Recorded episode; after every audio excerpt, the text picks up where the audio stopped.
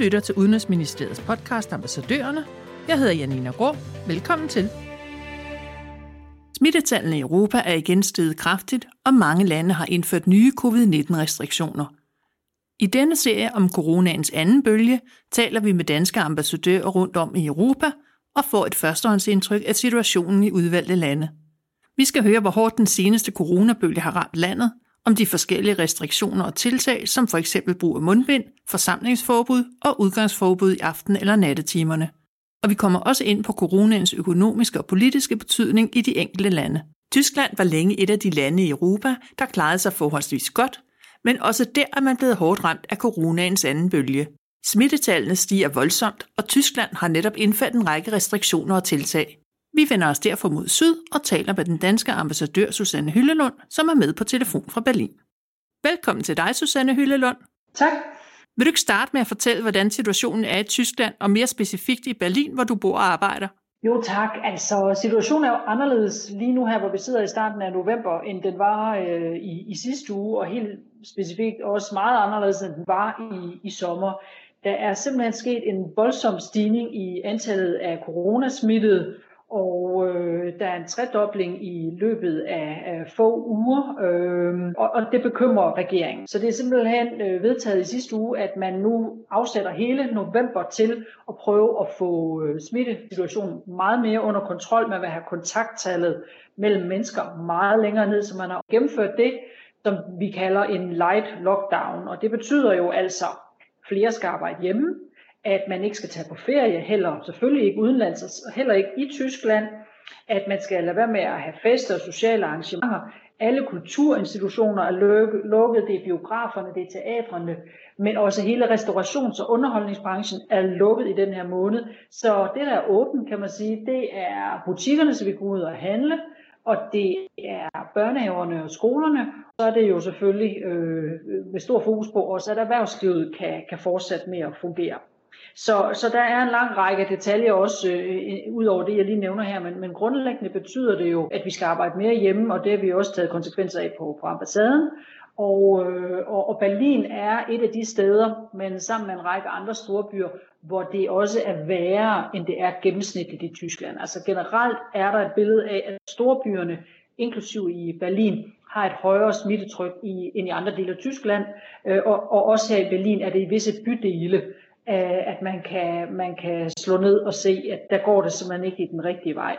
Og øh, til det kan man så tilføje, at, øh, at et tal, som kansler Merkel igen og igen har brugt de sidste dage til at forklare den her lockdown med, det er simpelthen, at det ikke aktuelt er muligt at gennemføre smitteopsporing. 75 procent af dem, der bliver smittet, der kan man ikke sige, hvor er du blevet smittet henne. Vi ved ikke, om det var på arbejdet, i bussen eller på en restaurant. Øh, og det der med, at man ikke ligesom kan attribuere en smittesituation til nogle konkrete steder, og dermed også lave smitteopsporing, altså jo sværere er det at få kontrol over det her. Og, og, og, og, og den kraftige, kraftige stigning, der har været, betyder jo, at når vi nu kigger 10-14 dage frem, så er det jo den stigning, som vil slå igennem i sundhedsvæsenet, når folk begynder så at blive indlagt. Og det er den der belastning og kapacitets øh, grænsen, der bliver nået i sundhedssystemet, som, har, har, som ligger til grund for, at man, man har meldt sådan relativt hårdhændet ud her for november måned. Nu har du faktisk allerede været inde på restriktionerne. Hvad siger berlinerne og tyskerne til det? Ja, det, det, det har jeg, og det er selvfølgelig det, der fylder meget. Jeg tror, det der er forskellen i forhold til den lockdown, der var i foråret. Øh, der er et par ting. Det ene er, at man dengang, denne gang holder skoler og børnehaver åbne. Stor forskel. Øh, og også detailhandlen er i videre omfang åbnet. Øh, og det er den ene side, så, så, så det, især det der med, at børnene kan komme i skole og blive passet, betyder meget for, at man selv kan se sig selv komme på arbejde. Og det andet er, at der er jo en slutdato på. Øh, folk håber jo selvfølgelig, at, at de her tiltag, selv øh, fordi de nu er sådan relativt krasse, så også giver den effekt, man ønsker. Der bliver en evaluering 16. november, og omkring 1. december håber man jo så, at man kan gå tilbage til et eller andet, som ikke er sådan fuldstændig frit, men dog et eller andet sted øh, måske ligner noget af det, vi kendte øh, her i, i sommeren og, og i sensommeren. Øh, og så, så jeg tror, det er især øh, de praktiske implikationer nu, som man drøfter, er det retfærdigt, og hvem rammer det, og hvem rammer det ikke. Det er det, det, det, der fylder. Kan du også komme ind på, hvilke økonomiske og politiske implikationer, som genopblusen af corona har medført i Tyskland? Ja, altså i forhold til det politiske, hvis jeg starter med det, så, så er der sket den interessante ting, at øh, det man gennemførte i foråret, det var noget, man sådan meget gjorde på tværs af alle de 16 forskellige delstater, der er i, øh, i Tyskland. Berlin, hvor jeg jo sidder nu, det er en af, af de her 16 delstater. Og øh, det var der sådan en meget bred politisk opbakning til. Så har man senere øh, set hver enkelt delstat gå ud med nogle selvstændige og også, må man sige, ikke koordineret tiltag. Og det har simpelthen ikke battet nok. Så forskellen er nu, at man igen politisk i sidste uge er blevet enige om på tværs af de 16 bundeslænder med regeringen, øh, der går forrest, at lave den her regulering, der går på tværs og også ensretter nogle ting.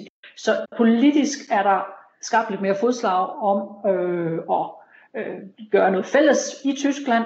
Økonomisk, øh, så Måske to kommentarer til det. Den ene er, at med den delvise nedlukning, vi ser i, i, i denne her anden bølge, så vil der også blive afsat yderligere specifikt 10 milliarder euro til kompensation for for eksempel restauranter, øh, bar og så videre, som, som meget, øh, helt øh, med meget kort varsel må lukke i fire uger. Men i forvejen er der afsat over sommeren på ca. 130 milliarder euro til forskellige genopretningspakker og kompensationer. Og det er, øh, når man kigger på det, et af de allermest generøse lande, hvis man ser sådan på det per capita, i Europa. Altså det land, hvor der sådan set er afsat flest penge til at komme ud over, øh, eller prøve at hjælpe erhvervslivet igennem coronakrisen.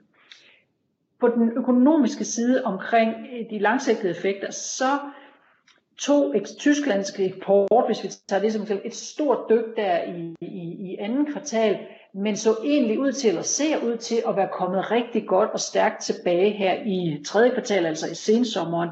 Men det er klart, med den opbremsning, vi nu ser her i landet, men jo også i rigtig mange andre europæiske lande, som følge af deres coronasituationer, selvfølgelig, selvfølgelig af deres øh, øh, ret hårde lockdowns mange steder i Europa, så er spørgsmålet jo, hvordan vil tysk økonomi klare sig igennem det? Men der er, de seneste tal, også fra sidste uge, viser altså, at, en, et, et, at tysk økonomi ligger forholdsvis godt til at komme igennem det her, og også allerede med en forventning om, at eksporten stiger cirka 8% næste år, øh, selvfølgelig så for det lavere punkt, vi, vi, vi når at ramme i år.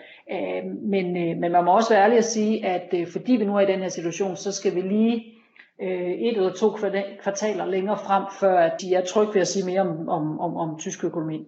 Og her til sidst, hvis tyskerne ikke taler om corona, hvad så er deres yndlingsemne for tiden? Ej, men, men corona, det fylder godt nok meget. Altså, og, og men, lige vil sige, det fylder meget i den der kontekst af, når vi at få en jul. Altså, julen fylder meget her, og øh, der er julemarkeder. Kan de åbne, kan de ikke? Hvor meget kan man rejse rundt i Tyskland for at besøge familie? Og, og det, jeg tror, det er det, der gør, at man måske kan stramme ballerne lidt her i november. Det er vel lidt håbet om, at det bliver muligt at have en, en, lige vil sige, en rigtig jul øh, på en eller anden måde.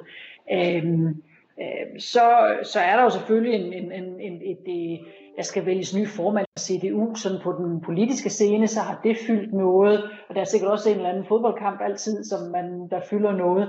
Øh, men når jeg sådan ser på det, hvor, hvor jeg sidder, så, så må man bare sige, at corona det rydder Øh, det rydder altså øh, rigtig meget af, af, af sendefladen og, og, øh, og mediernes opmærksomhed, øh, udover, hvad skal vi sige, de, de, sådan, de store emner, vi jo også ser hos os selv i medierne, altså øh, situationen med terror i Frankrig og så videre, som selvfølgelig også fylder her, valg i USA er et stort tema, lige så vel som det er i Danmark. Æh, så, øh, så, men først og fremmest så er der en, en stor corona-overskrift. Det var slut på den anden podcast i serien om coronaens anden bølge, hvis du vil vide mere om Tyskland, kan du følge ambassadøren på Twitter. Tak til ambassadør Susanne Hyllelund, og tak fordi du lyttede med.